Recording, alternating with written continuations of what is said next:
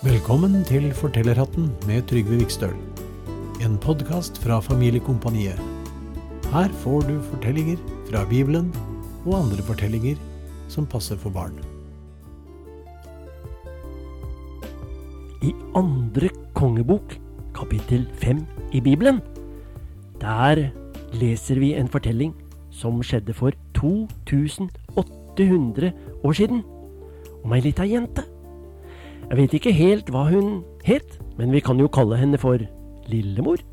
Og hun var kommet fra Israel til et fremmed land.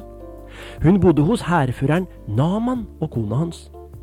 Lillemor vasket opp og gikk ærender, og hun gjorde alt som Naman og kona ba henne om, unntatt én ting. Det var noe hun slett ikke ville gjøre. Naman og kona hans ba til en avgud, en heslig avgud av stein. Den kunne ikke se, og den kunne ikke høre. Når Naman og kona hans ville at lillemor skulle be til avguden, så svarte hun, Å nei, jeg kan ikke be til noen avgud, jeg ber til Gud i himmelen, jeg. Han ser meg, og han hører meg.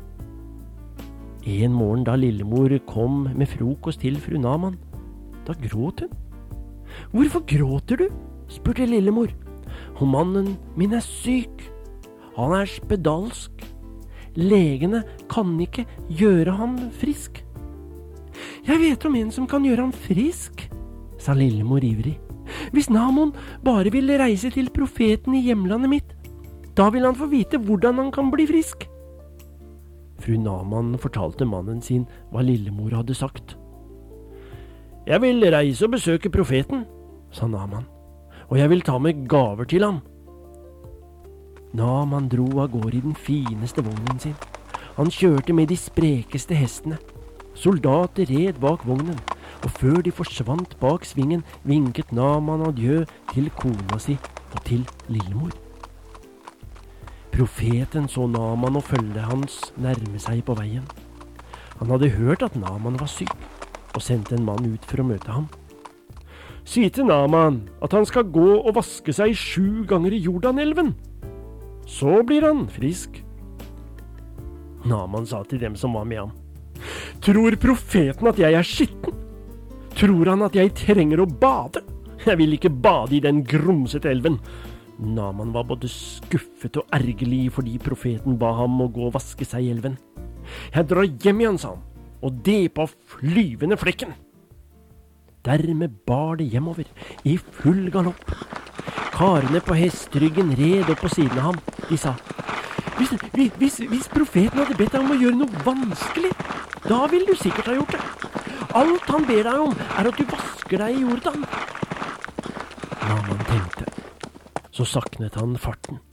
Så kjørte han av veien og ned mot elven. Elven var gjørmet, men Naman vasset likevel uti. Han dukket seg en gang. Så kikket han på hendene og armene sine. De hvite flekkene var der fremdeles. Naman dukket seg i elven en gang til, men flekkene var like tydelige. Han dukket seg igjen, men flekkene forsvant ikke. Mennene på elvebredden fulgte spent med etter hvert som han dukket seg, om og om igjen. Men hele tiden var flekkene der og de var ikke blitt mindre enn før. Så dukket Naman seg i elven, for syvende og siste gang. Og flekkene, de var ikke der lenger. Naman stirret på hendene sine, han stirret på føttene, han stirret på hele seg, men ikke en flekk var å se noe sted. Alle de hvite flekkene var borte. Han var frisk, mennene hans klappet i hendene av glede. Naman løp opp fra vannet, og han hoppet opp i vognen og lot hestene løpe i full galopp tilbake for å takke profeten. Vennene hans red tilbake sammen med han.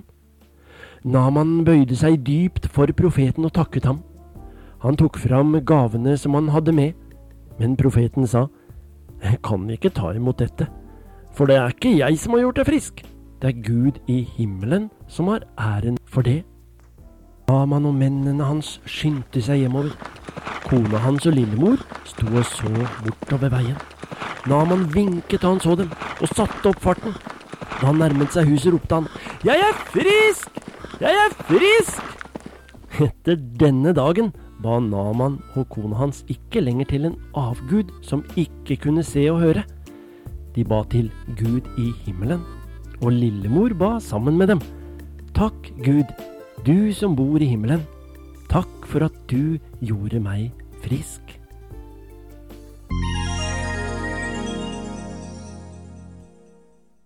Da var det slutt for denne gang.